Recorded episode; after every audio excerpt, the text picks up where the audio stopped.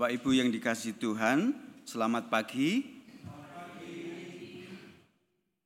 Puji syukur kita panjatkan kehadirat Tuhan yang Maha Kuasa, karena begitu besar kasihnya kepada kita semua, sehingga pada saat ini kita boleh kembali berkumpul dan beribadah di tempat ini secara hybrid dan juga live streaming melalui kanal YouTube GKI Sarwa Indah. Bagi Bapak Ibu dan Saudara yang baru pertama kali mengikuti ibadah di GKI Sarwa Indah ini, apakah ada boleh berdiri? Oh, ya. Terima kasih. Selamat datang, selamat bergabung dalam persekutuan di GKI Sarwa Indah. Tapi kelihatannya ini Ibu Susi saya sudah kenal karena ada hal yang khusus. Pak Pendeta eh, adalah eh, cucu, ya cucu. Waduh, betapa bahagianya cucunya jadi pendeta ya. Ya, Bapak Ibu yang dikasih Tuhan, eh, untuk pokok-pokok warta hari ini adalah sebagai berikut. Kebaktian umum ibadah minggu ini adalah minggu intergenerasi dan pertukaran pelayanan kebaktian GKI Sinode Wilayah Jawa Tengah dan pagi ini akan dilayani Pendeta Ayub Sektianto dari GKI Kartosuro, Sukoharjo, Jawa Tengah. Sedangkan pendeta kita, Pendeta Christian Dewantoro melayani di GKI Wonosobo, Jawa Tengah, yaitu di Bajem Winongsari pukul 7 dan Bajem Kasenet kebaktian pukul 10 waktu Indonesia bagian Barat. Mohon perhatian dan doa dari kita semua. Untuk kebaktian remaja pada hari ini digabung. Dan e, untuk anak-anak tetap kebaktian di sekolah karena jarak yang eh, agak jauh. Jadi nanti untuk kembalinya ada kesulitan. Maka majelis jemaat memutuskan untuk kebaktian anak tetap seperti biasanya. Dari bidang persekutuan dan keesaan, kita akan kembali bersama-sama untuk pemahaman Alkitab secara online.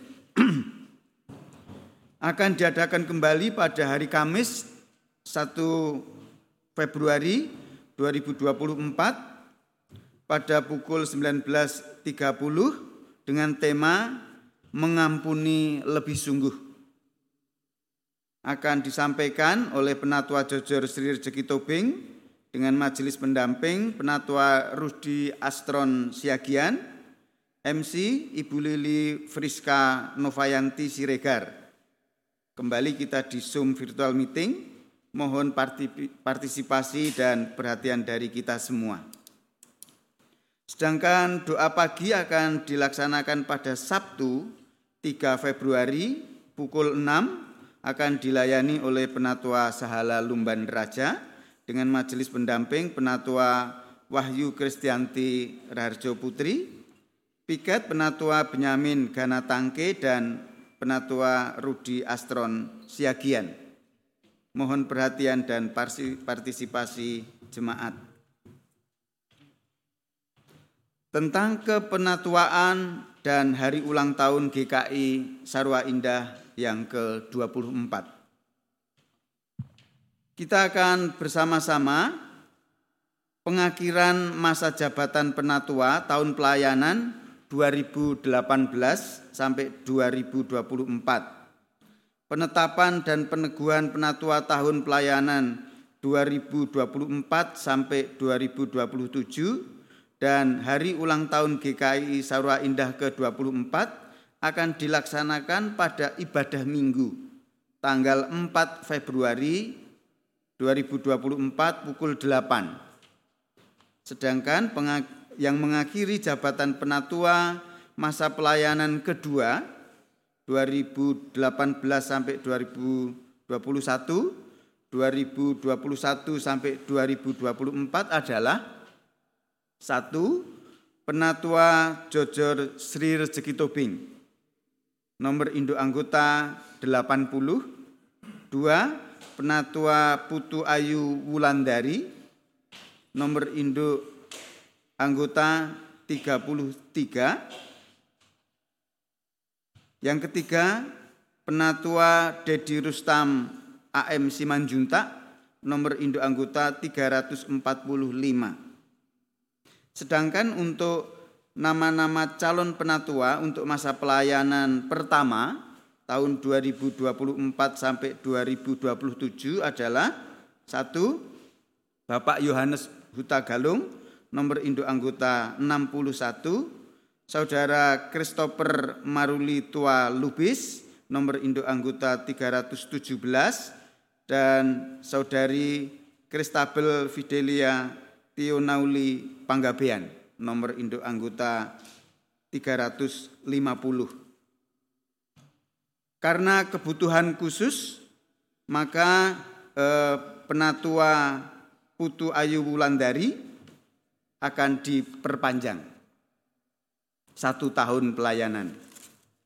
Selanjutnya untuk jadwal piket pendeta eh, ada beberapa jemaat yang bertanya di warta jemaat yang PDF sudah ada di sana tetapi supaya jelas maka jadwal piket pendeta kami sampaikan lagi eh, untuk besok karena pendeta Kristen ada kesulitan pulang ke Jakarta karena ada eh, tanah longsor di jalan itu maka jadwal pendeta untuk minggu ini hari Selasa dirubah menjadi Rabu dan yang biasanya Jumat tetap. Waktu pukul 9 sampai 12 dan untuk di luar jam tersebut Bapak Ibu dan saudara-saudara bisa menyesuaikan sesuai dengan perjanjian. Mohon perhatian jemaat. Demikian pokok-pokok warta untuk hari ini. Untuk lebih lengkap dan jelasnya Bapak, Ibu, dan saudara-saudara sekalian eh, bisa membaca di warta PDF yang sudah ada di dalam info GKI Sarwa Indah. Segenap majelis jemaat mengucapkan selamat beribadah dan Tuhan memberkati kita semua.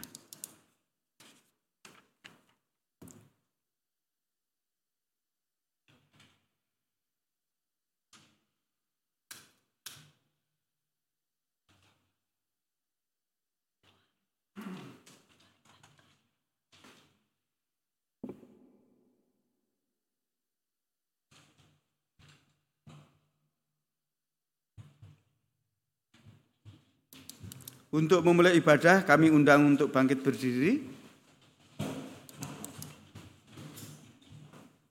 Dan kita akan membaca Mazmur 148 ayat 7 sampai 14 secara litani. Pujilah Tuhan di bumi, hai ular-ular naga dan segenap samudera raya. Hai api dan hujan salju dan kabut, angin badai yang melakukan firman-Nya. Hai gunung-gunung dan segala bukit, pohon buah-buahan dan segala pohon aras. Hai binatang-binatang liar dan segala hewan, binatang melata dan burung-burung yang bersayap. Hai raja-raja di bumi dan segala bangsa, pembesar-pembesar dan semua dunia. Hai teruna dan anak-anak darah, orang tua dan orang muda, biarlah semuanya memuji-muji Tuhan. Sebab hanya namanya saja yang tinggi luhur, keagungannya mengatasi bumi dan langit. Ia telah meninggikan tanduk umatnya, menjadi puji-pujian bagi semua orang yang dikasihinya. Bagi orang Israel, umat yang dekat padanya. Haleluya. Bersama. Jemaat yang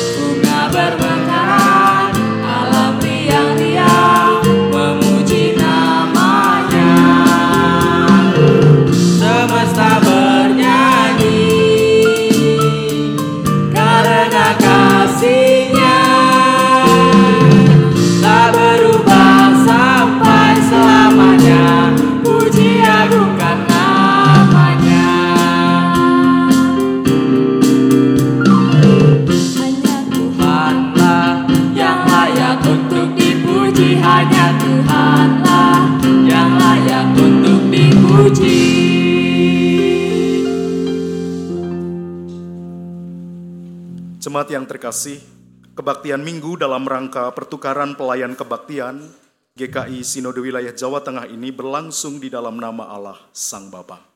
Yang telah menciptakan semesta. Di dalam nama Yesus Kristus Sang Putra.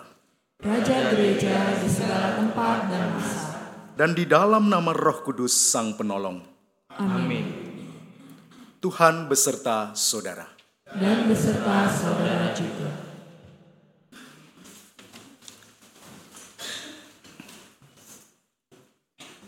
Selamat pagi saudara-saudara.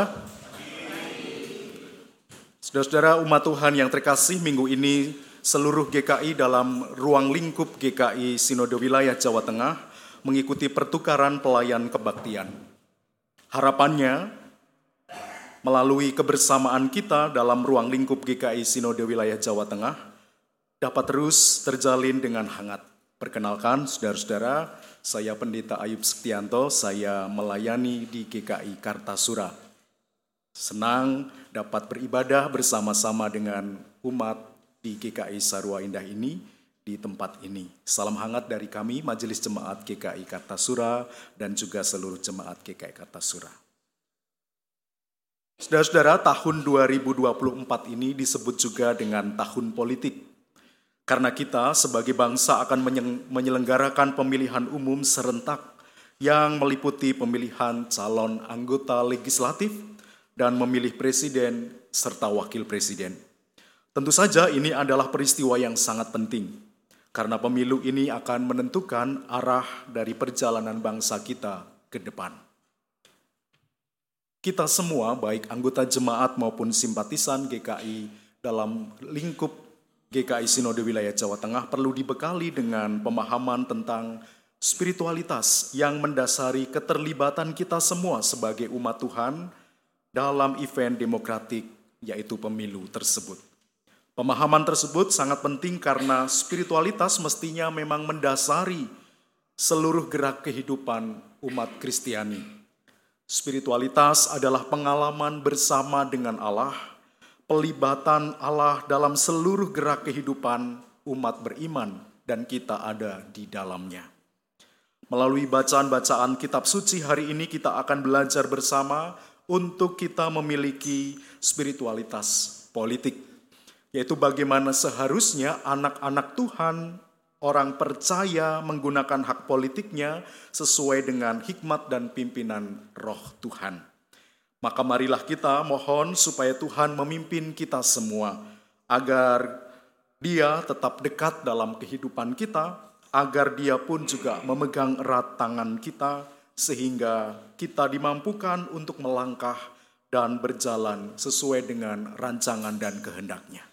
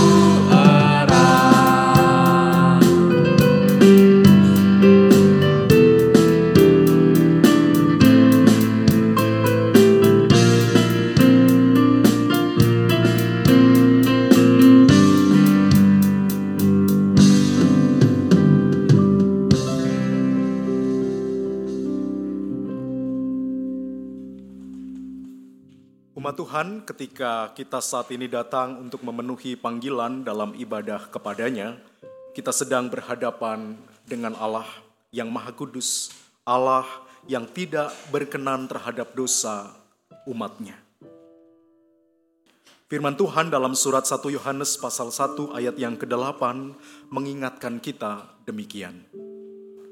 Jika kita berkata bahwa kita tidak berdosa, maka kita menipu diri kita sendiri dan kebenaran tidak ada di dalam kita.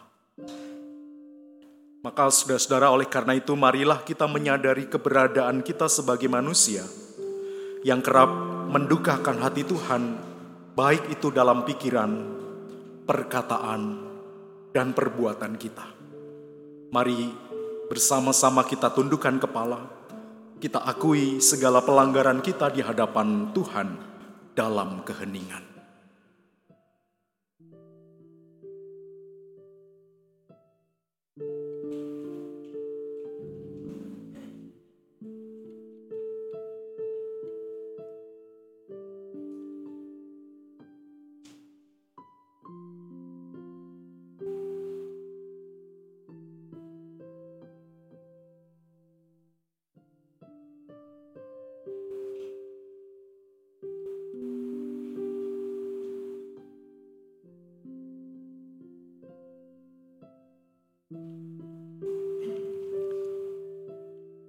Bapa di surga, saat ini kami hendak mengakui segala dosa kami di hadapan Tuhan. Kiranya Tuhan mendengar pengakuan kami, dan dikau melimpahkan kasih-Mu kepada kami melalui pengampunan-Mu. Sebagai gereja, kami mengakui sering kali kami kurang peduli pada kehidupan di luar tembok gereja kami kurang menaruh perhatian terhadap kehidupan berbangsa dan bernegara. Padahal Engkau Tuhan menempatkan gerejamu di tengah-tengah bumi Indonesia ini untuk menyatakan terang dan menjadi berkat.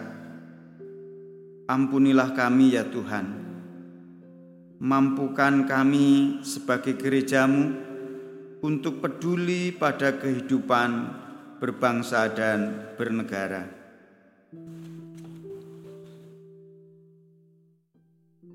Sebagai orang tua, kami mengaku sering kali tidak dapat menjadi teladan bagi anak-anak kami. Ucapan kami, perilaku kami hanya mengedepankan keinginan dan kepentingan kami perkataan dan tindak tanduk kami tidak mencerminkan kepedulian terhadap bangsa kami. Ampuni kami ya Tuhan. Mampukan kami untuk menjadi teladan bagi anak-anak kami.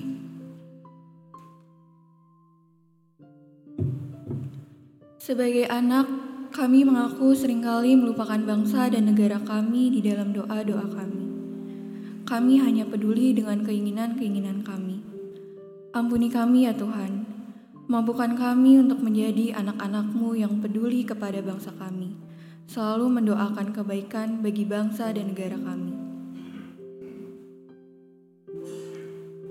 Ya Allah yang penuh kasih, inilah doa pengakuan dosa kami. Bimbinglah kami semua agar selalu dapat berjalan di jalan Tuhan, sehingga kami selalu bersamamu Doa ini kami naikkan di dalam nama Tuhan Yesus Kristus. Amin.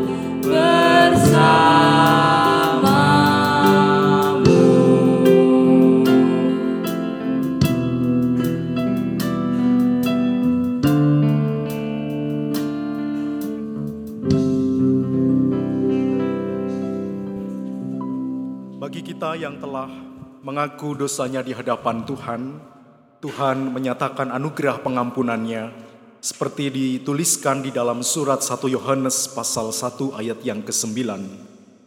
Jika kita mengaku dosa kita, maka ia adalah setia dan adil, sehingga ia akan mengampuni segala dosa kita dan menyucikan kita dari segala kejahatan. Demikianlah berita anugerah dari Tuhan. Syukur kepada Allah. Dalam Kristus engkau telah diampuni. Dalam Kristus engkau pun telah diampuni. Damai Tuhan besertamu. Dan besertamu juga. Marilah setiap kita yang telah diperdamaikan dengan Allah berdamai juga dengan sesama. Ada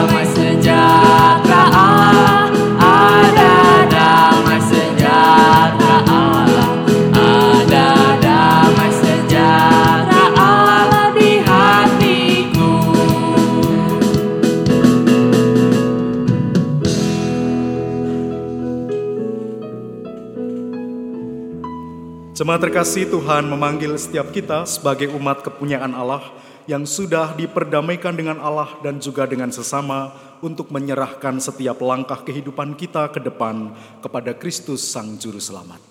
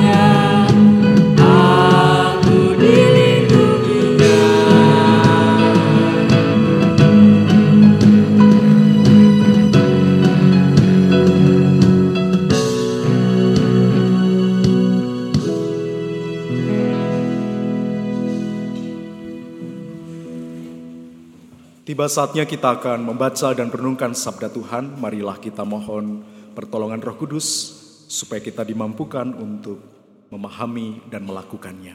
Mari berdoa. Ya Allah, di dalam nama Tuhan kami Yesus Kristus, Tuhan dan Juru Selamat kami, tetapi juga sahabat setia dalam perjalanan kehidupan kami. Kami bersyukur karena pagi ini Tuhan menolong kami semua, mengumpulkan dan mempersatukan kami semua dari berbagai penjuru tempat. Kami dipersatukan untuk beribadah kepada Allah. Terima kasih untuk seluruh kebaikan Tuhan yang kami boleh kecap hari demi hari dalam pesiarahan hidup kami.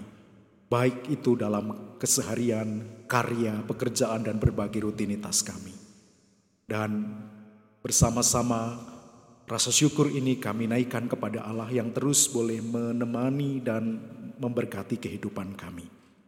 Bersama-sama dalam ibadah saat ini kami juga bersyukur karena Engkau hadir dalam kuasa Roh Kudus menuntun kami semua, menolong kami semua khususnya ketika kami akan diperhadapkan dengan firman Tuhan. Biarkanlah ya Allah, Roh Kudus membantu kami yang terbatas ini dengan kuasamu yang tak terbatas sehingga kami mampu memahami apa yang Tuhan ingin sampaikan kepada kami untuk kami kerjakan sebagai murid Tuhan.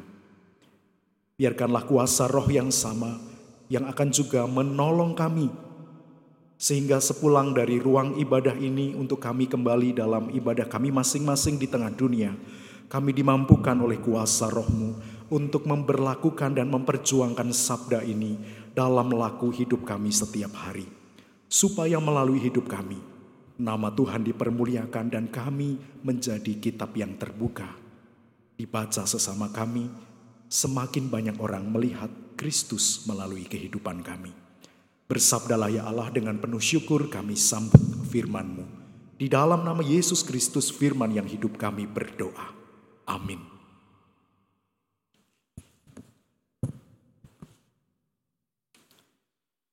Pembacaan kitab diambil dari Hakim-Hakim pasal 9 ayat 7 sampai dengan ayatnya yang ke-21. Hakim-Hakim pasal 9 ayat 7 sampai dengan ayatnya yang ke-21.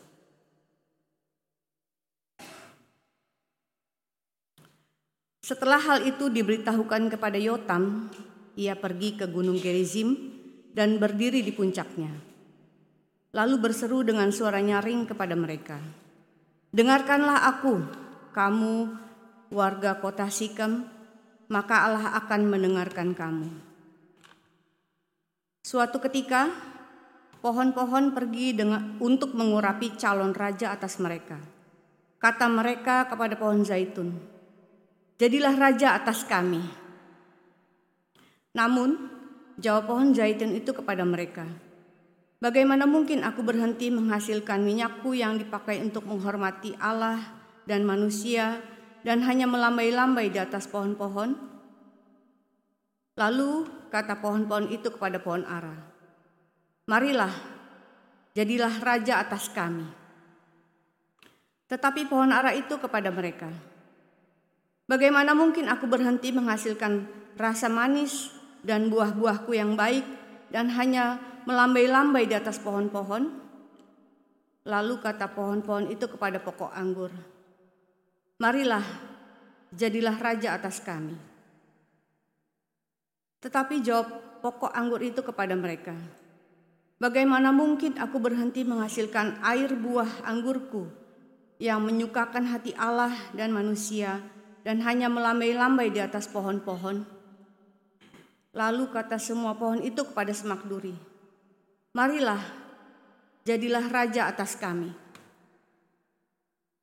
Jawab semak duri itu kepada pohon-pohon itu, Jika kamu sungguh-sungguh mau mengurapi aku menjadi raja atas kamu, datanglah berlindung di bawah naunganku. Namun jika tidak, biarlah api keluar dari semak duri dan memakan habis pohon-pohon ara Libanon.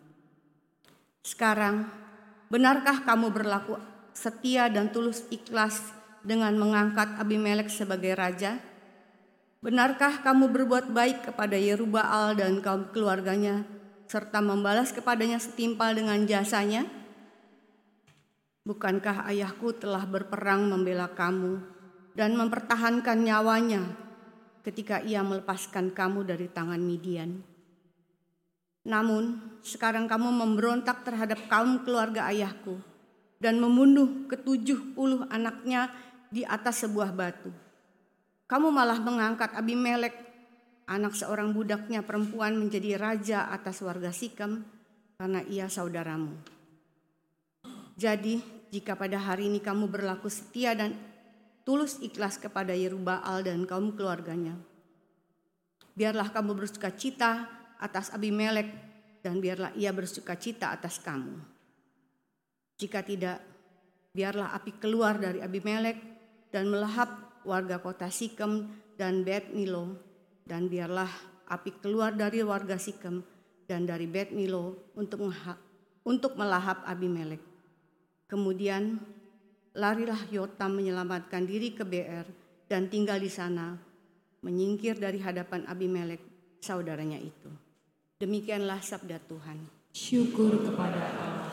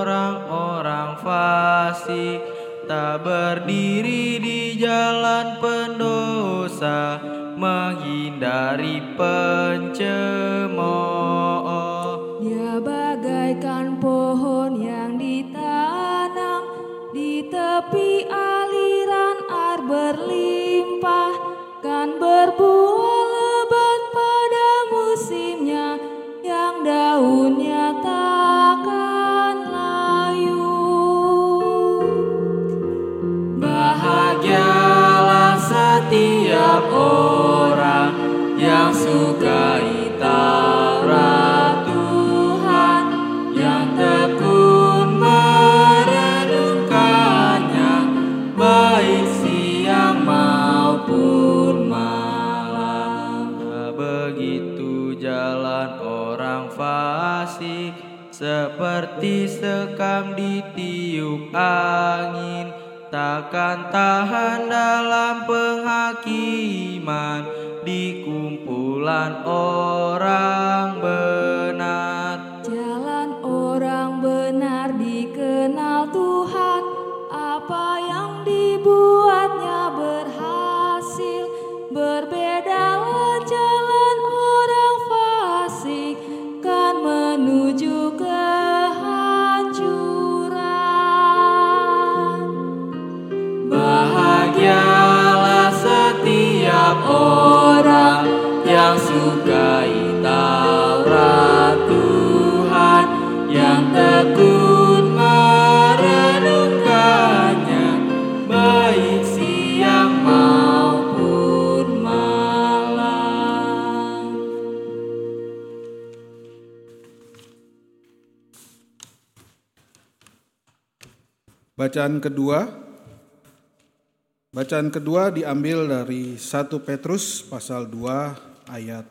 11 sampai dengan ayatnya ke-17.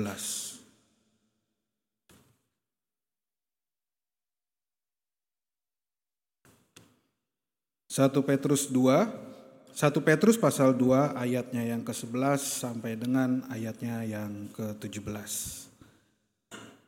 Saudara-saudara yang terkasih, aku menasehati kamu supaya sebagai pendatang dan perantau kamu menjauhkan diri dari keinginan-keinginan daging yang berjuang melawan jiwa. Milikilah cara hidup yang baik di antara bangsa-bangsa yang tidak mengenal Allah, supaya apabila mereka memfitnah kamu sebagai pelaku kejahatan, mereka dapat melihatnya dari perbuatan-perbuatanmu yang baik dan memuliakan Allah pada hari Ia melawat mereka.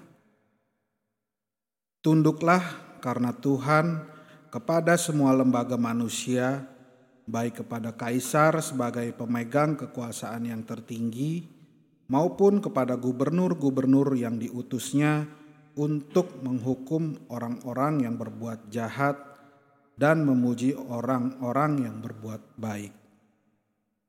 Sebab inilah kehendak Allah, yaitu supaya dengan berbuat baik kamu membungkam kepicikan orang-orang yang bodoh.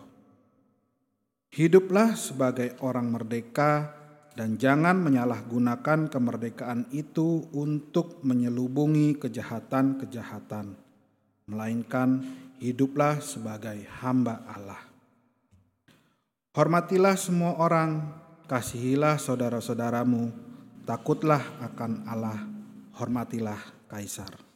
Demikianlah sabda Tuhan. Syukur kepada Allah. Umat Tuhan dengarkanlah Injil Yesus Kristus menurut Matius pasal yang ke-22 ayat 15 sampai 22.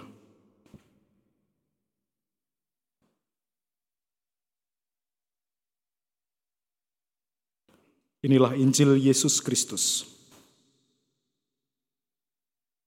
Kemudian pergilah orang-orang Farisi dan membuat rencana bagaimana mereka dapat menjerat Yesus dalam perkataannya. Mereka menyuruh murid-murid mereka bersama para pendukung Herodes bertanya kepadanya, "Guru, kami tahu engkau orang yang jujur dan dengan jujur mengajar jalan Allah, dan engkau tidak takut terhadap penilaian orang, sebab engkau tidak memandang muka.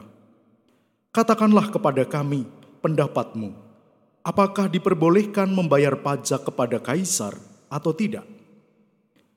Namun Yesus mengetahui kejahatan hati mereka itu, lalu berkata, "Mengapa kamu mencobai Aku, hai orang-orang munafik?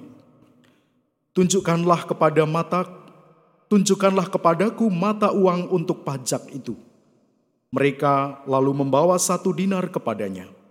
Ia bertanya kepada mereka, "Gambar dan nama siapakah ini?" Jawab mereka, gambar dan nama kaisar. Lalu kata Yesus kepada mereka, berikanlah milik kaisar kepada kaisar dan milik Allah kepada Allah.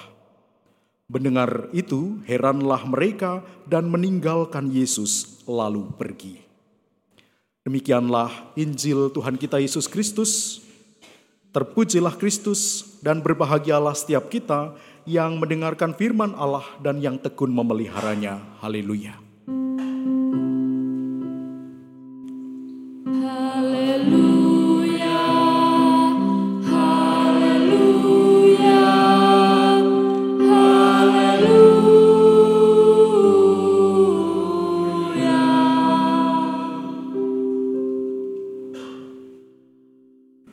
Saudara-saudara, sekali lagi selamat pagi.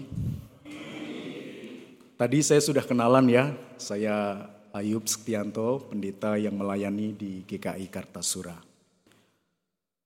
Ini GKI Kartasura, apakah dapat ditampilkan di slide? Ya, ini dia. Ya, miring ya. Iya memang, saya ngambilnya miring. Mirip. Oh mirip. Mirip sini. Oh ini gedung depannya pak. Ruang ibadahnya di belakang. Iya. Agak memanjang karena lahannya memang memanjang. Saya melayani sudah sekira dari 2013 eh, lalu penhabisan 2015. Jadi sekira hampir 10 tahun pelayanan. Istri saya satu, saudara-saudara.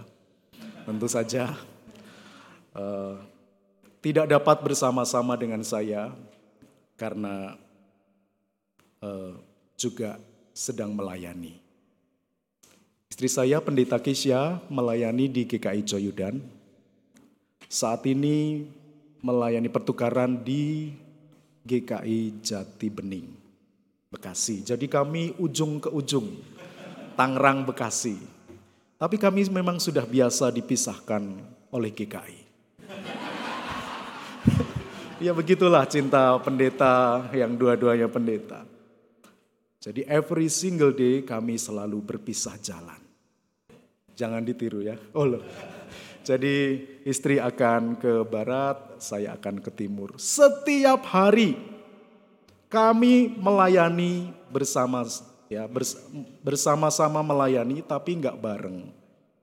Ya, sama-sama melayani tapi nggak bersama-sama. Jadi selalu berpisah jalan. Nah karena istri saya tidak bisa hadir maka diwakilkan oleh eyangnya. Nah ini eyang sus, eyang saya dari Serpong pasti sudah kenal ya.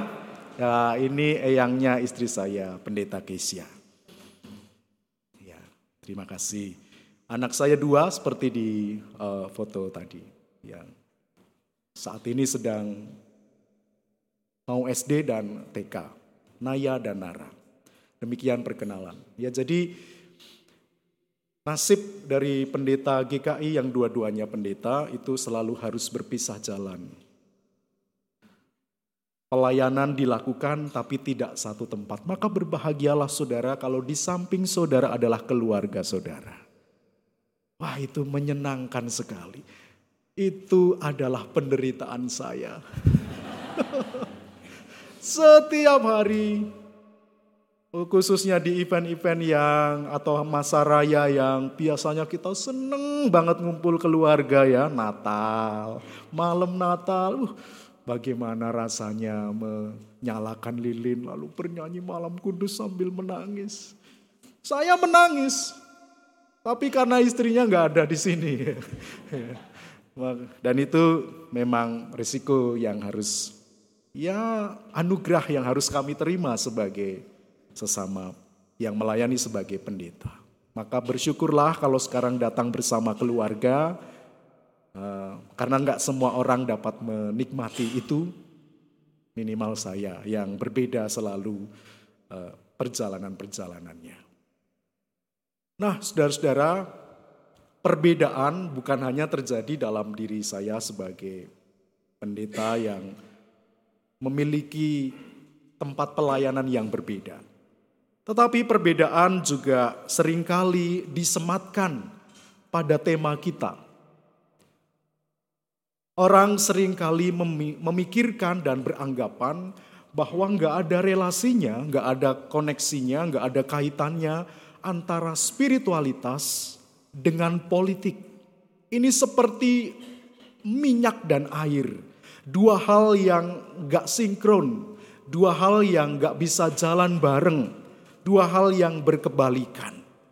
Ini yang sering kali terjadi dan dianggap sebagai bagian umum dari kehidupan kita. Apa bisa spiritualitas itu juga dihidupi dari perspektif politik?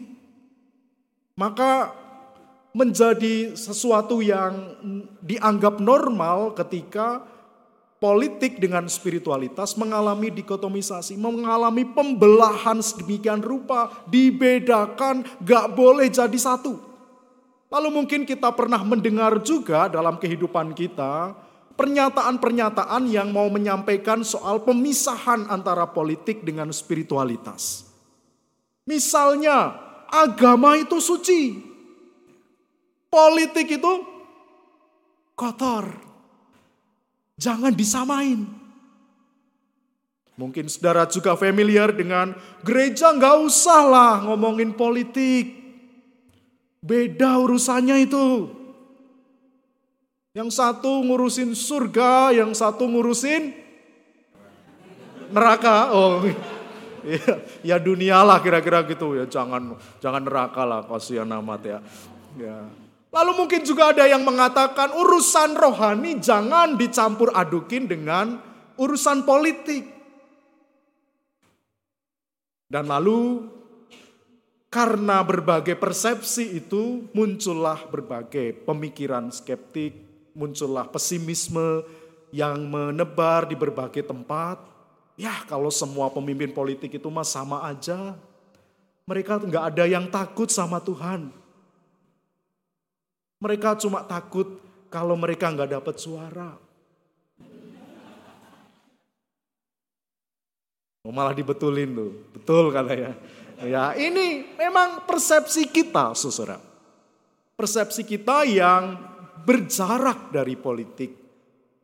Di mana spiritualitas, hal-hal yang rohani, kemelekatan kita kepada Tuhan, ibadah kita kerap kali punya jarak dengan dimensi politik.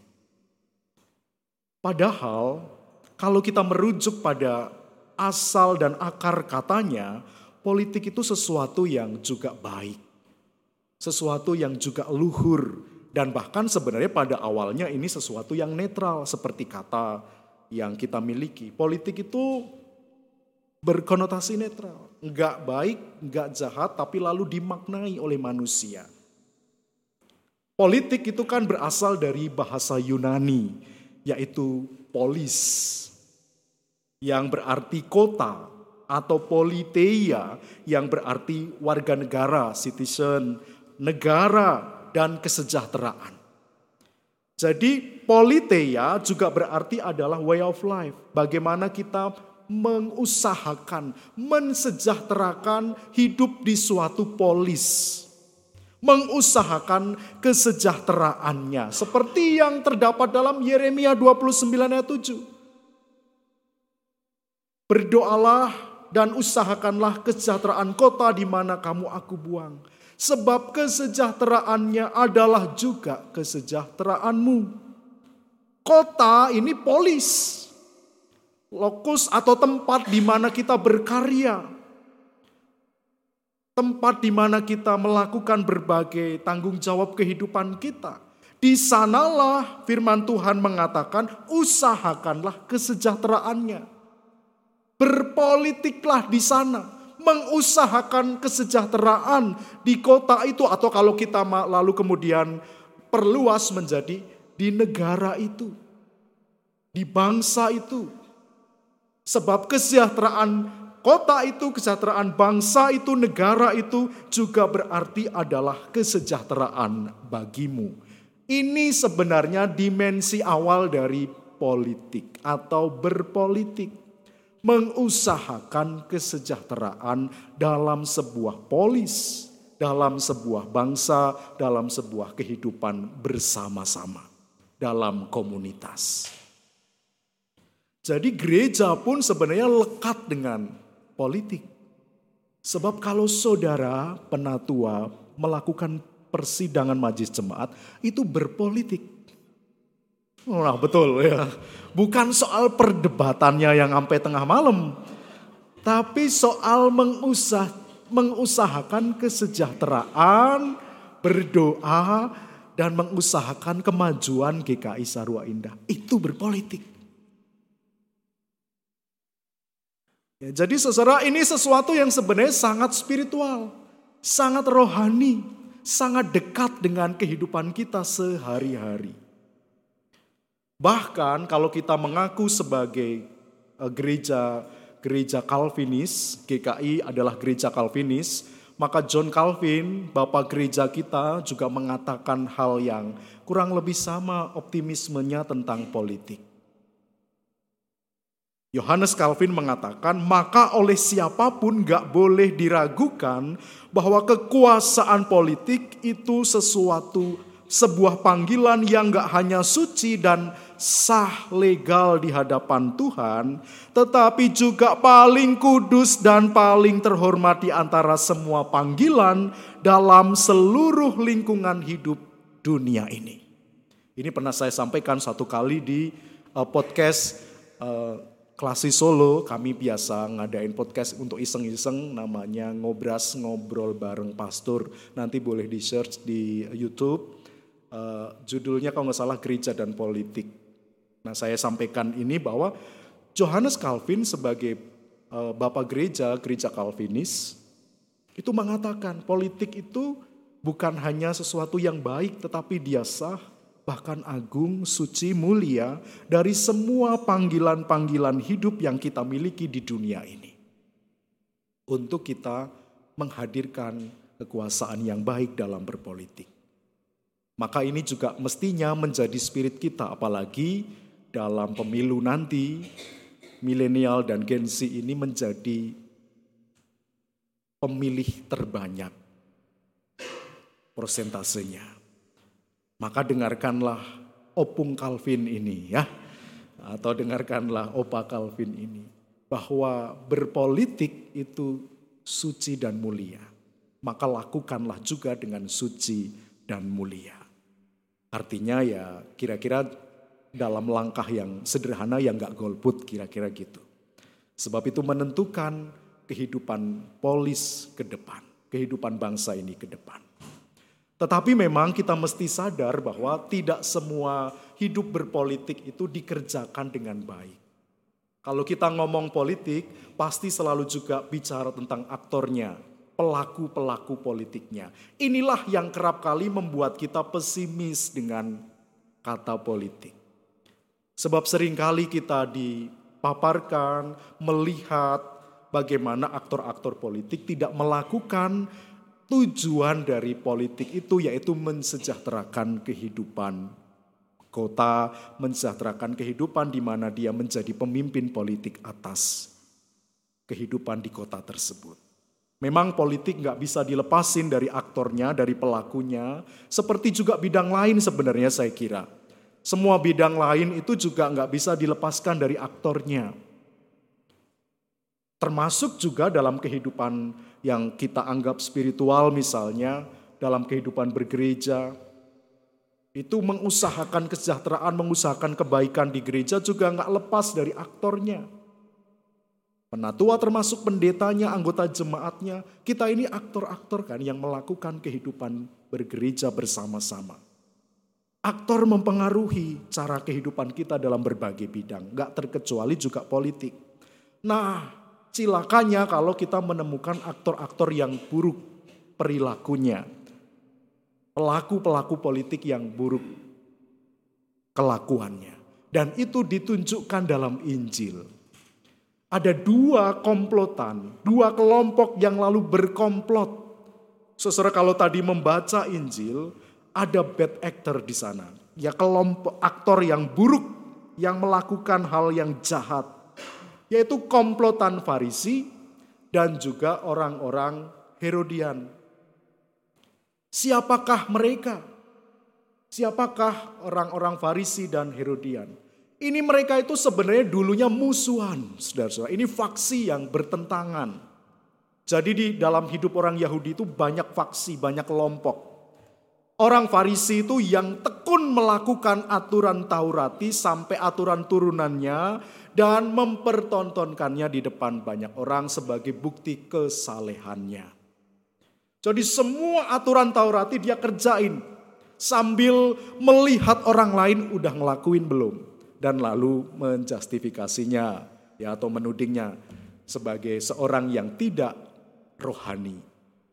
Dan karena ini mereka ini sangat rohani, sangat melakukan aturan-aturan Taurat termasuk juga kitab-kitab sucinya dan aturan-aturan turunannya, maka mereka tidak menyukai kekaisaran Roma yang menjajah negara mereka dan menganggap mereka sebagai bangsa pilihan Allah. Nah, sementara itu dalam kebencian mereka terhadap kekaisaran Roma, ada kelompok yang justru mendukung, memberikan support kepada kekaisaran Roma yang disebut kelompok Herodian. Kelompok Herodian ini kelompok yang mendukung Herodes sebagai raja. Dan sebagai raja dia mesti mendapat mandat dari kaisar Roma. Dan karena itu secara nggak langsung dia mau mengatakan bahwa kelompok ini mendukung kekaisaran Roma.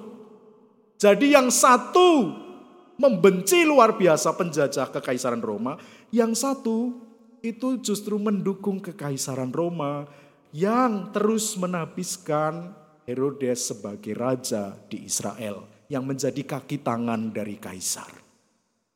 Nah, dua kelompok ini musuhan.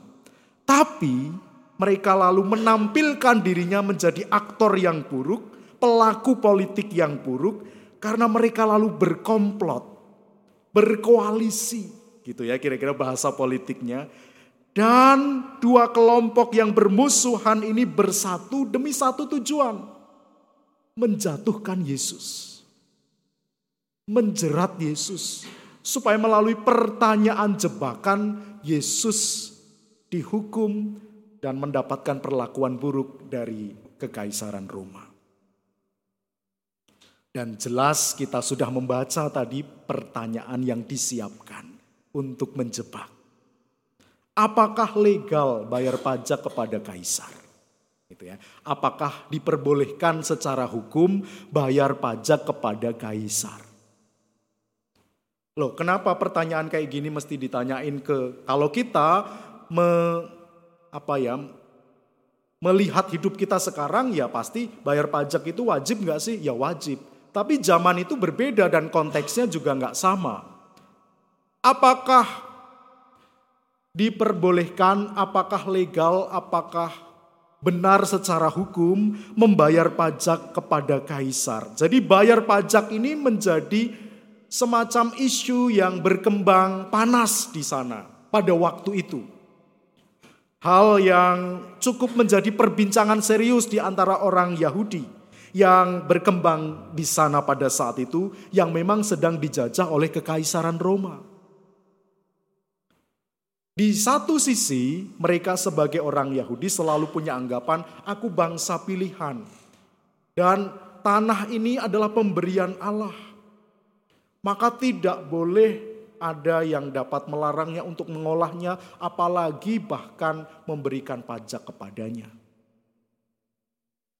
Jadi mereka sangat menolak tanah mereka diberikan pajak. Apalagi waktu itu memang pajaknya tinggi luar biasa mencekik. Jadi mereka sebenarnya diperhadapkan dengan banyak tantangan. Dalam hidup beragama mereka mesti mempersembahkan kurban, eh, hasil panen dan itu nggak murah karena itu harus yang terbaik. Tapi kalau mau mengolah tanah untuk bertani, bercocok tanam dan seterusnya, mereka nggak punya modal maka mereka harus meminjam dan pinjaman dengan bunga yang sangat tinggi. Belum selesai panen udah ditunggu untuk mesti membayar pajak, mesti memberikan kepada bait Allah. Nah, mereka sering nggak dapat sisa. Sehingga hal ini menjadi kemiskinan yang terus-menerus dihidupi oleh mereka, yang menderita karena penjajahan, tetapi karena juga praktek agama yang mewajibkan mereka untuk kasih yang terbaik dari hasil pertaniannya tanpa melihat konteks hidup penderitaan mereka. Tetapi di sisi lain, Yesus sedang berbicara dengan banyak prajurit Roma di sana. Jadi ini memang disetting untuk menjebak. Kira-kira kalau jawaban Yesus, ya kekaisaran Roma ini kan penjajah, ngapain bayar pajak kaisar? Nah nanti kan bisa ditangkap tuh, lumayan di penjara beberapa waktu. Atau terus diawasi. Atau bah, kalau dia mengatakan bahwa eh, bayar pajaklah kepada kaisar, maka orang-orang Yahudi yang pada waktu itu banyak yang mengikut, mengikut dia dengan pengajarannya dan seterusnya, sangat mungkin akan meninggalkan Yesus. Dan itu yang mereka tunggu sebab banyak pengikut agama Yahudi itu yang terus berkurang karena mereka mengikut apa yang diajari oleh Yesus. Jadi ini memang disetting demikian dan mendapatkan sebuah hal yang buruk uh, supaya Yesus terjerat. Maka saudara, apa pilihan politik Yesus?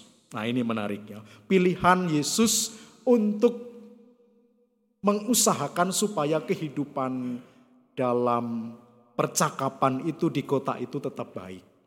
Tidak terjadi chaos karena jawaban Tuhan menjadi tetap aman karena jawaban Tuhan. Menarik karena kita melihat Yesus selalu meminta mereka untuk menunjukkan mata uang yang berlaku saat itu, yaitu uang dinar, upah satu orang sehari memang memakai mata uang dinar. Mata uang dinar itu yang secara officially dipakai untuk sebagai alat pembayaran pada waktu itu karena mereka dijajah oleh kekaisaran Roma, maka mata uangnya dinar dan di sana ada gambar kaisar dengan beserta tulisannya. Kalau saudara memperhatikan di sana sebenarnya ada tulisan uh, Tiberius Kaisar Divi uh, Agustus yang juga di di sampingnya atau di sebaliknya ada tulisan Pontifex Maximus. Jadi artinya Kaisar Agustus Tiberius, putra Agustus yang ilahi. Ya ini aja udah bikin mereka eh, apa nggak suka ya, sebab mengilahikan manusia. Lalu di sebaliknya ditulisi uh, Pontifex Maximus itu artinya gelar Imam Agung, gelar Kaisar. Bahkan juga lalu pada akhirnya disebut sebagai Tuhan yang menggantikan Allah. Maka Yesus memberikan jawaban yang sangat pragmatis, sangat praktis, mengembalikan koin bergambar kaisar itu kepada kaisar.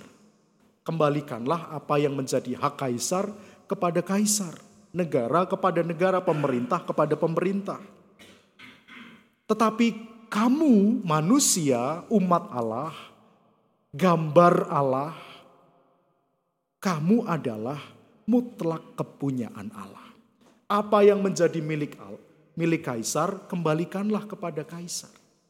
Apa yang menjadi milik Allah yaitu hidupmu sepenuhnya, kembalikanlah kepada Allah. Jadi Yesus mau mengajak para pendengarnya pada waktu itu dan kita sekarang untuk memahami diri kita ini sebagai gambar Allah. Imago Dei, citra Allah di dunia maka kita mesti mempersepsikan diri kita juga sebagai gambar Allah.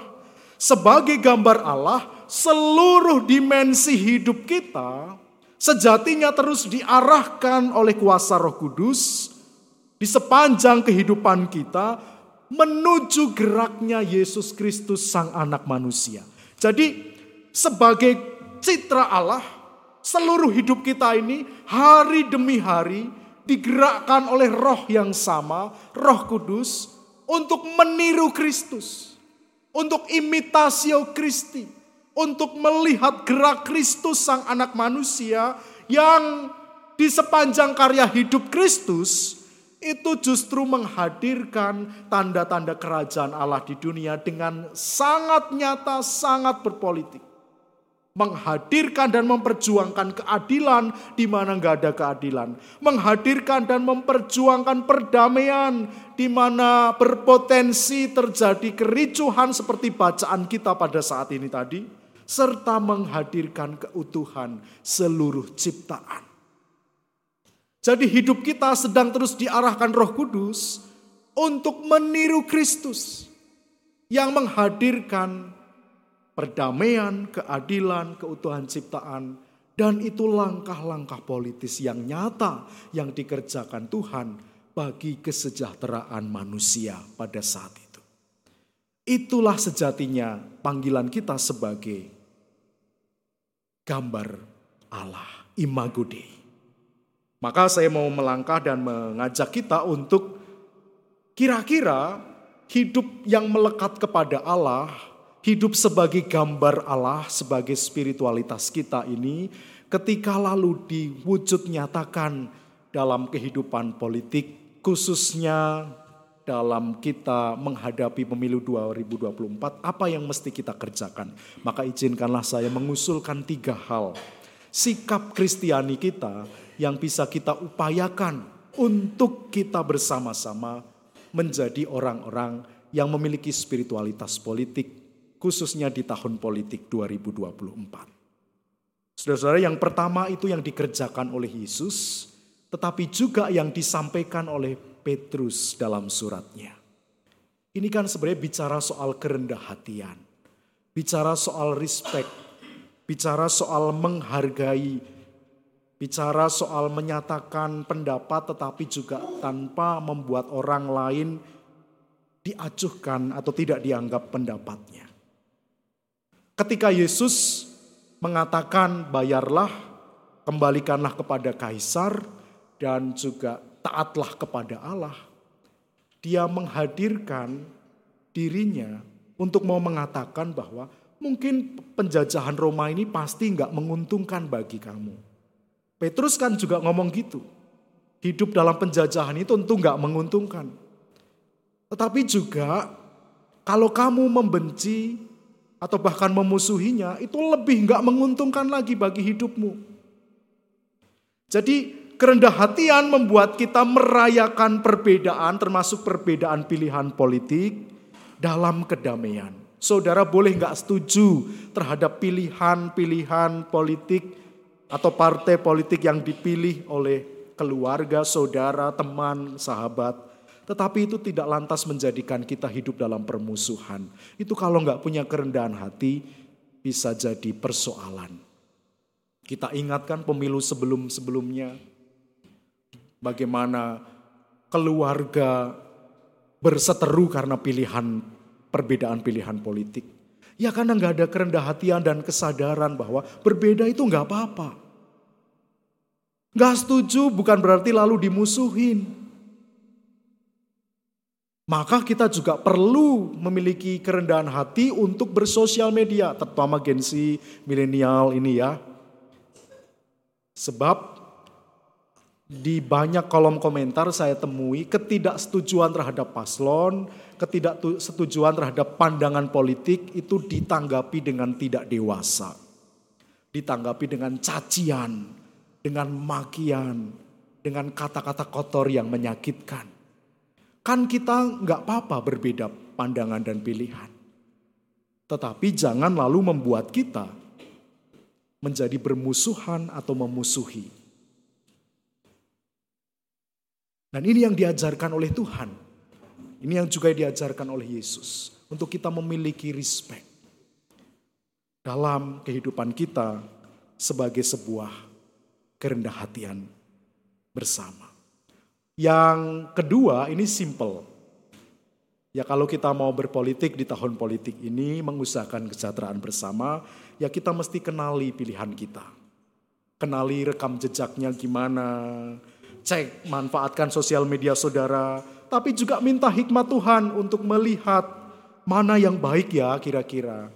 Tuhan dan melalui berbagai platform juga ujilah komitmennya terhadap kehadirnya kesejahteraan bersama bagi semua.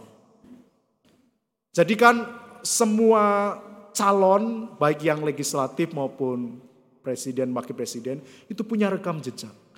Dicek saja bagaimana komitmennya untuk menghadirkan kesejahteraan bersama.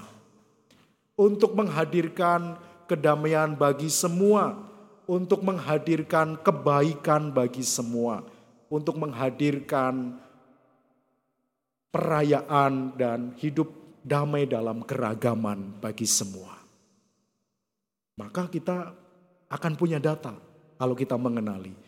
Mengenali juga menjadi cara kita untuk peduli pada konteks dan kondisi bangsa kita. Kita nggak mau menjadi orang Kristen yang lalu apatis, tidak memilih golput dan seterusnya. Sebab itu kan yang dilukiskan, ketidakpedulian itu yang dilukiskan dalam bacaan pertama tadi. Ketika semua orang yang mestinya berkompeten untuk menata kehidupan bersama tidak berkarya, nggak peduli, acuh tak acuh, nggak cuek, nggak mau mikirin kehidupan bersama, maka muncullah dalam hidup mereka kemudian siapa? Saudara membaca tadi? Abimelek yang lalu menjadi raja yang sewenang-wenang bahkan membunuhi saudara-saudaranya karena ketidakpedulian banyak orang waktu itu terhadap kehidupan bersama. Ya urusanku, urusanku. Ngapain sih ngurusin pilpres? Ngapain sih? Gua nggak kenal siapa itu caleg yang nangkring di pohon tiap hari. Ya panduknya di mana-mana ya. Ya dikenali. Ya. Tiap belokan, tiap pengkolan ada aja ya kan. Senyum semua ya. Ya dikenali saudara-saudara. Itu sebagai cara kita untuk kita itu peduli dalam kehidupan bangsa kita. Jangan sampai kita menjadi eh, cerita seperti Abimelek ini, kasusnya Abimelek ini.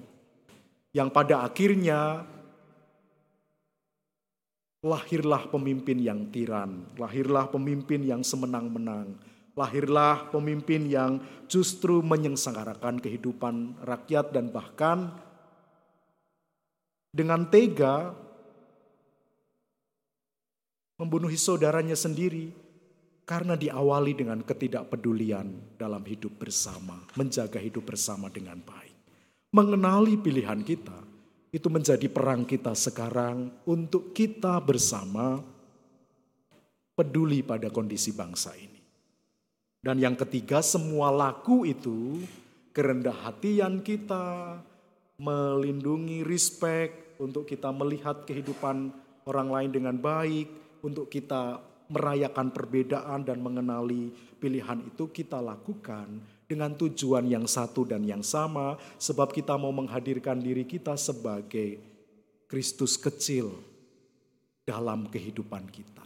Kita hadir untuk menjadi imitasio Kristi, peniru-peniru Kristus dalam kehidupan kita. Dan saya mengajak kita untuk menjadi GKI sesuai dengan konfesi kita. Konfesi GKI 2014 di alinea 10. Maka saya mengajak kita menjadi gereja alinea 10. Apa itu? Pasti di sini nggak apal ya konfesi GKI. Nah di alinea 10 ngomong ini. Kristus yang mengampuni orang berdosa serta memanggilnya bertobat, mengasihi semua orang tanpa diskriminasi menegakkan keadilan dan perdamaian tanpa kekerasan. Memberkati setiap pribadi, keluarga, anak-anak, memberdayakan orang miskin, memulihkan orang sakit, membebaskan orang tertindas, menjadi sahabat bagi orang yang diasingkan. Itu semua gerak Kristus di sepanjang karya layannya. Dan seluruh upaya kita untuk bersama-sama menghadirkan kesejahteraan dalam hidup kita bersama atau berpolitik tadi dilandasi dengan spirit Kristus ini untuk kita menghadirkan diri kita seperti Kristus hadir di tengah-tengah dunia. Maka belalah apa yang dibela Kristus. Perhatikan apa yang Kristus perhatikan. Lakukan apa yang Kristus lakukan. Tangisi yang Kristus tangisi. Dengan begitu kita akan menjadi Kristus-Kristus kecil yang terus menghadirkan diri kita untuk menjadi berkat bagi bangsa ini. Maka mari saudara-saudara yang dikasih Allah, kita mewujud nyatakan hidup kita untuk tidak abai, tetapi juga dengan terus penuh kerendah hatian, kita berupaya mengenali siapa yang terbaik untuk memimpin bangsa ini. Dan menghadirkan seluruh upaya kita itu dalam rangka menghadirkan diri kita sebagai Kristus kecil. Mencontoh dan meniru Kristus di sepanjang siara hidup kita. Amin. Saat teduh bagi kita.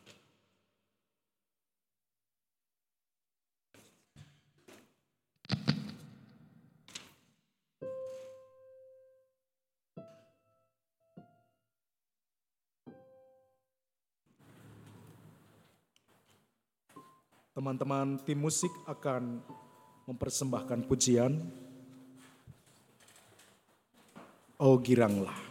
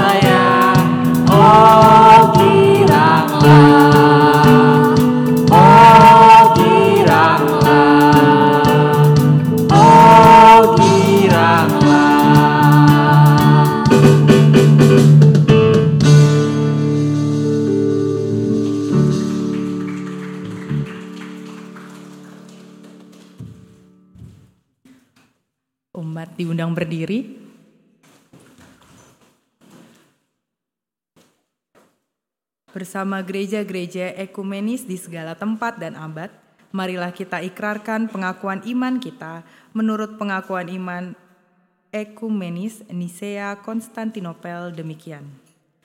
Aku percaya kepada satu Allah, Bapa yang Maha Kuasa, Pencipta langit dan bumi, segala yang kelihatan dan yang tak kelihatan. Aku percaya kepada satu Tuhan, Yesus Kristus, Anak Allah yang tunggal, lahir dari Sang Bapa sebelum ada zaman.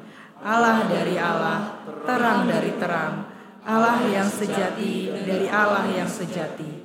Diperanakan, bukan dibuat, sehakikat dengan Sang Bapa, yang dengan perantaranya segala sesuatu dibuat, yang telah turun dari sorga untuk manusia dan untuk keselamatan kita dan menjadi daging oleh Roh Kudus dari anak darah Maria dan menjadi manusia yang disalibkan bagi kita di bawah pemerintahan Pontius Pilatus menderita dan dikuburkan yang bangkit pada hari ketiga sesuai dengan isi kitab-kitab dan naik surga yang duduk di sebelah kanan sang Bapa dan akan datang kembali dengan kemuliaan untuk menghakimi orang yang hidup dan yang mati, yang kerajaannya takkan berakhir. Aku percaya kepada Roh Kudus yang menjadi Tuhan dan yang menghidupkan, yang keluar dari Sang Bapa dan Sang Anak, yang bersama-sama dengan Sang Bapa dan Sang Anak disembah dan dimuliakan, yang telah berfirman dengan perantara para nabi. Aku percaya satu gereja yang kudus dan am dan rasuli Aku mengaku satu baptisan untuk pengampunan dosa. Aku menantikan kebangkitan orang mati dan kehidupan pada zaman yang akan datang. Amin. Silakan duduk.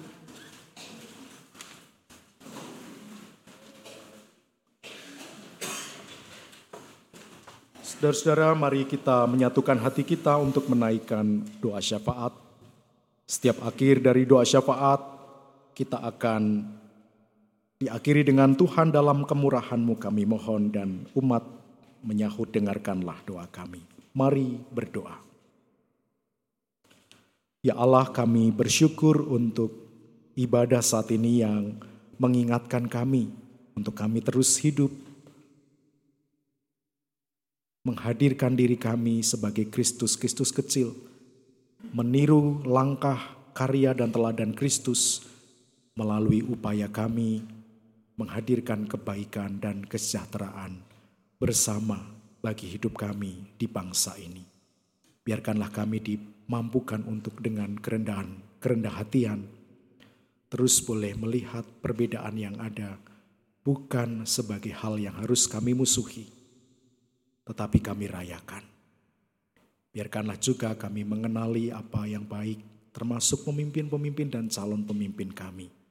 Untuk kami peduli untuk kami menggunakan hak kami dengan baik dan menghadirkan hidup kami untuk menjadi berkat bagi bangsa ini. Bapa, kami juga terus mau berdoa menyerahkan saudara-saudara kami yang saat ini memohon kehadiran Tuhan dan kuasa Tuhan yang memulihkan itu dalam kondisi sakit mereka.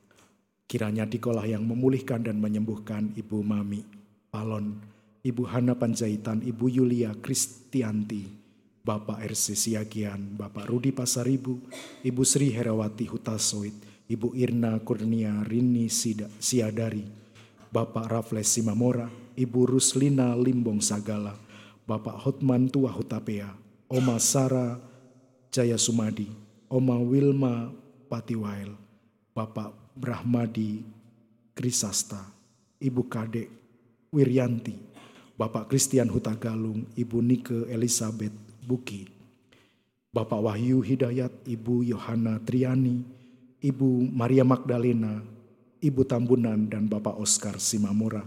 Juga mungkin jika ada di antara anggota keluarga dan kerabat kami yang saat ini mengalami sakit atau kelemahan tubuh, ya Allah hadirlah Jamalah dan sembuhkanlah di dalam nama Tuhan kami Yesus Kristus. Tuhan kami juga bersyukur bersama-sama dengan saudara kami yang saat ini dan dalam minggu ini berulang tahun. Doa kami bagi saudara Dikan Tristiantoko, Bapak Rudi Pasaribu, Bapak Daniel Hia, Penatuan Nasib Sipahutar, dan saudara Christopher Lubis. Kiranya jugalah mereka senantiasa dikaruniai kesehatan dan hikmat dari Allah untuk terus dalam kehidupannya bertumbuh di dalam Kristus dan hidup dalam sukacita serta rahmat dari Tuhan. Terima kasih Tuhan dalam kemurahan-Mu kami mohon. Dengarkanlah doa kami. Bapa kami yang di surga, kami bersyukur untuk saudara-saudara kami yang boleh menjadi pengurus di dalam komisi-komisi yang ada pada kami. Ya Tuhan, kami mohon Tuhan memberikan hati yang selalu berserah, hati yang melayani untuk saudara-saudara yang ada dalam komisi-komisi, demikian juga tim dan panitia. Kami menyerahkan ke dalam tangan kasih-Mu untuk program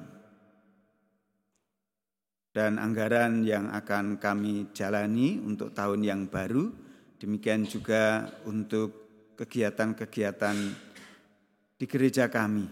Kami mohon Tuhan memberkati dan menyertai sehingga pelayanan kami boleh berkenan di hadapan Tuhan. Bapa kami yang di surga, di tengah kehidupan kami berjemaat, kami juga bergumul untuk gedung gereja Ya Tuhan kami bersyukur atas sekretariat yang dibangun ini sehingga kami boleh berbakti, memuji dan memuliakan Tuhan di dalam kebaktian-kebaktian dan kegiatan-kegiatan kami. Kami bersyukur untuk tanah yang Tuhan berikan kepada kami di Dusun Tiga. Ya Tuhan, berkatilah proses-proses yang akan kami lalui, yang akan kami usahakan. Kiranya Tuhan memberkati sehingga kami boleh mendekati untuk saudara-saudara kami di lingkungan Dusun Tiga, demikian juga untuk pemerintah setempat sebagai proses untuk mendirikan gedung gereja. Kami mohon Tuhan memberkati semuanya Tuhan, kami percaya Tuhan akan memberikan tepat pada waktunya. Untuk itu kami menyerahkan pergumulan kami sebagai gereja GKI Sarwa Indah Tuhan, dalam kemurahan-Mu kami mohon. Dengarkanlah doa kami. Tuhan, kami secara khusus juga mau berdoa untuk penyelenggaraan pemilu yang tidak lama lagi akan berlangsung. Kami meminta penyertaan Tuhan dan campur tangan Tuhan dalam setiap persiapan dan prosesnya. Kiranya Tuhan melimpahkan hikmat dan kebajikan kepada KPU, Bawaslu, Panwaslu, dan setiap tangan yang terlibat di dalam persiapan maupun pelaksanaan pemilu yang akan berlangsung ini Tuhan. Biarlah mereka mengerjakannya dengan penuh tanggung jawab dan jujur sehingga tidak terjadi kecurangan di dalam pelaksanaan pemilu nantinya. Kami juga berdoa untuk para aparat keamanan TNI dan Polri Kiranya Tuhan memberkati mereka dalam menjaga keamanan di negara kami ini, sehingga pemilu dapat dilaksanakan dalam rasa aman dan damai. Tuhan, dalam kemurahan-Mu kami mohon. Dengarkanlah doa kami. Ya Tuhan, kami kembali datang kepadamu untuk memohon pertolongan-Mu kepada kami umat-Mu. Kami bersyukur Tuhan di pemilu yang akan datang kami memiliki hak untuk memilih pemimpin negara kami. Pimpinlah dan tuntun kami ya Tuhan, agar dapat menggunakan hak pilih kami dengan baik dan bertanggung jawab. Bukan hanya iming-iming kesenangan belaka Tuhan, tapi karena hati kami yang takut akan Tuhan. Tuhan, dalam kemurahan-Mu kami memohon. Dengarkanlah doa kami.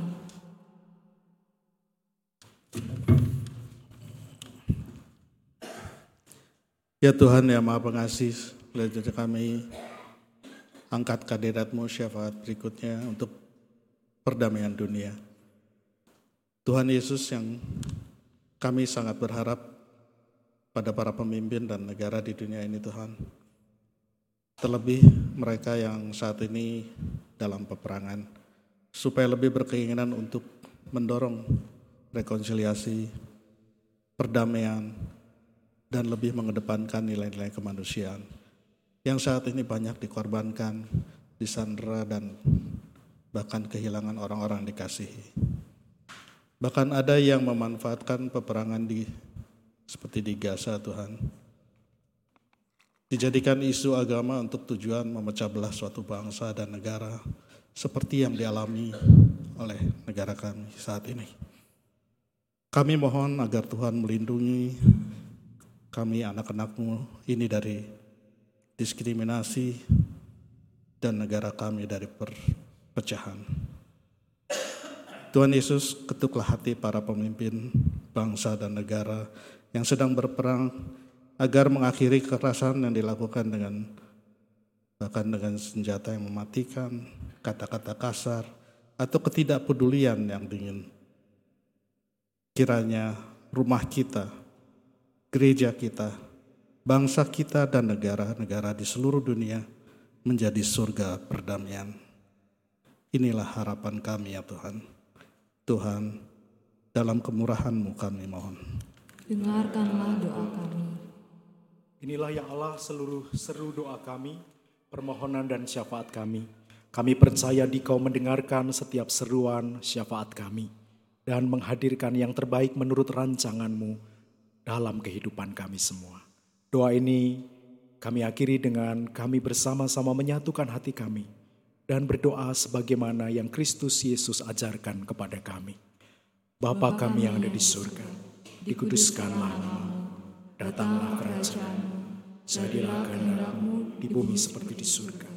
Berikanlah kami pada hari ini makanan kami yang secukupnya, dan ampunilah kami akan kesalahan kami, seperti kami juga mengampuni orang yang bersalah kepada kami.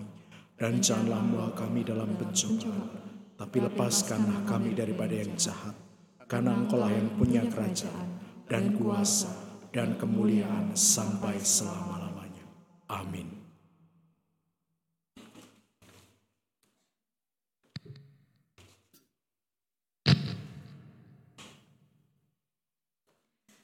Kasih Tuhan sudah kita rasakan dari hari ke hari.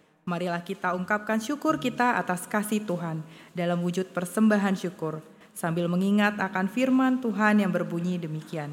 Mazmur 54 ayatnya yang ke-8. Dengan rela hati aku akan mempersembahkan korban kepadamu, bersyukur sebab namamu baik ya Tuhan. Sambil kita memberikan persembahan, mari bernyanyi dari PKJ nomor 149 bait pertama sampai dengan ketiga ucap syukur pada Tuhan. Ucap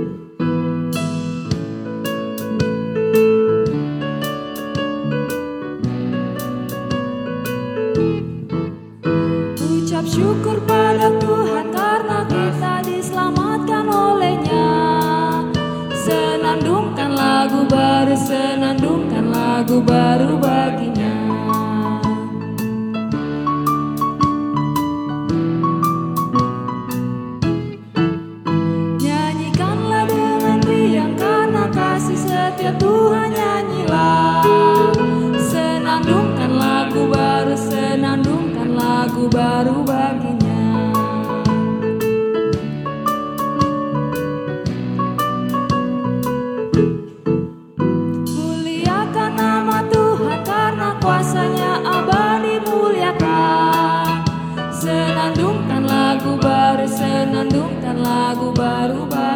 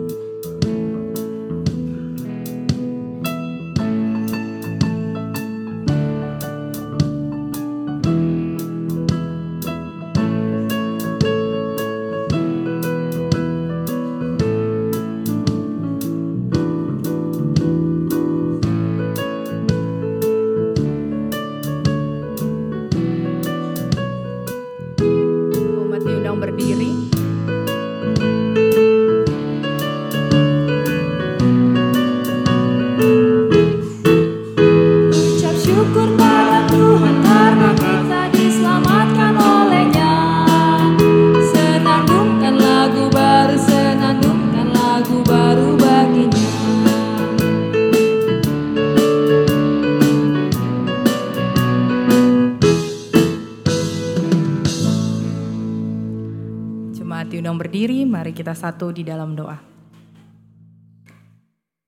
Bapak yang baik, kami mengucap syukur Tuhan udah untuk ibadah yang boleh berlangsung pada pagi hari ini. Kami bersyukur untuk kebersamaan yang boleh kami rasakan dengan pendeta Ayub Tuhan. Kami juga mengucap syukur untuk firman yang boleh kami dengar. Kiranya kami bisa menjalankan firman itu Tuhan di dalam kehidupan kami sehari-hari. Tuhan di tengah keriangan kami di dalam ibadah ini, kami telah mengumpulkan persembahan kami. Kami memberi sambil mengucap syukur atas penyertaan-Mu yang tak terhitung jumlahnya. Kami memberi sambil mengingat kecukupan yang telah Engkau berikan di sepanjang kehidupan kami. Kami memberi dengan penuh sukacita Tuhan, kiranya Engkau mau menerimanya, serta memberkati setiap tangan yang akan mengelolanya Tuhan, sehingga persembahan ini digunakan hanya untuk kemuliaan-Mu saja. Dalam nama Tuhan Yesus kami telah berdoa. Amin. Amin.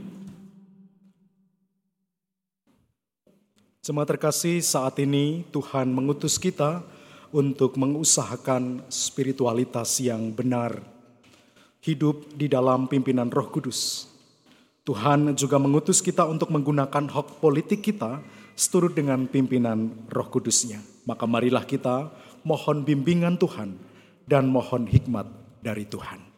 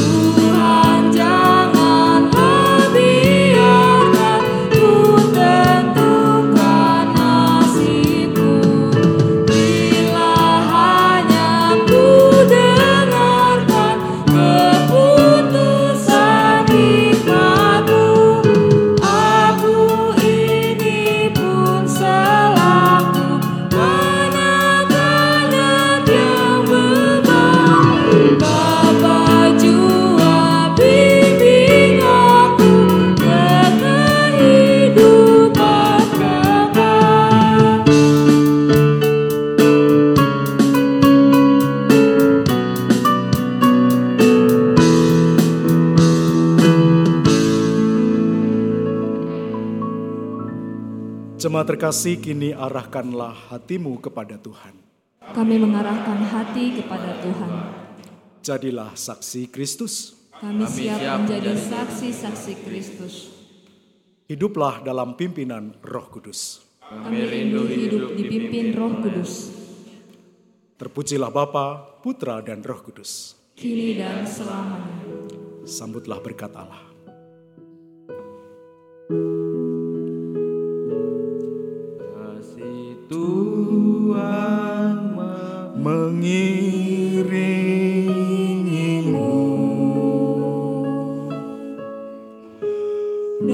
Sayapnya